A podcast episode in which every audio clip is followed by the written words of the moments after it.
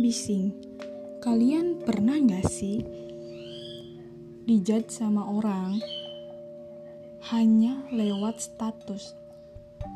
Orang menilai kalian hanya dari status WA atau Instagram. Kadang gak paham kenapa orang-orang mudah sekali menilai perilaku orang lain lewat status atau Instagram.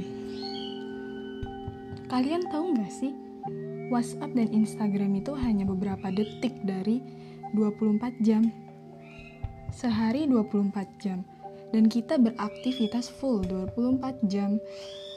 Dan orang-orang tahunya hanya beberapa detik saja dan mereka dengan mudahnya menilai kita seenak mereka dengan sudut pandang mereka yang berbeda-beda.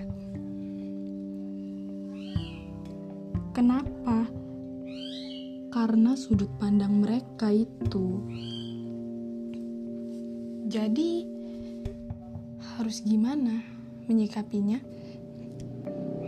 Sikapi dengan santai, slow, gak usah belibet karena yang tahu diri kita hanyalah diri kita sendiri, bukan orang lain. Jadi kalau orang lain ngejudge yang macem-macem, ya udah kita cukup jadi diri kita sendiri buktikan bahwa apa yang orang lain katakan itu salah. Kadang gini ya, di statusnya Priang aslinya cuek, di kehidupan aslinya Priang di statusnya cuek. Kadang begitu kan, jadi jangan mudah menilai orang lain hanya dari sudut pandang kita. Oke, sekian. Terima kasih.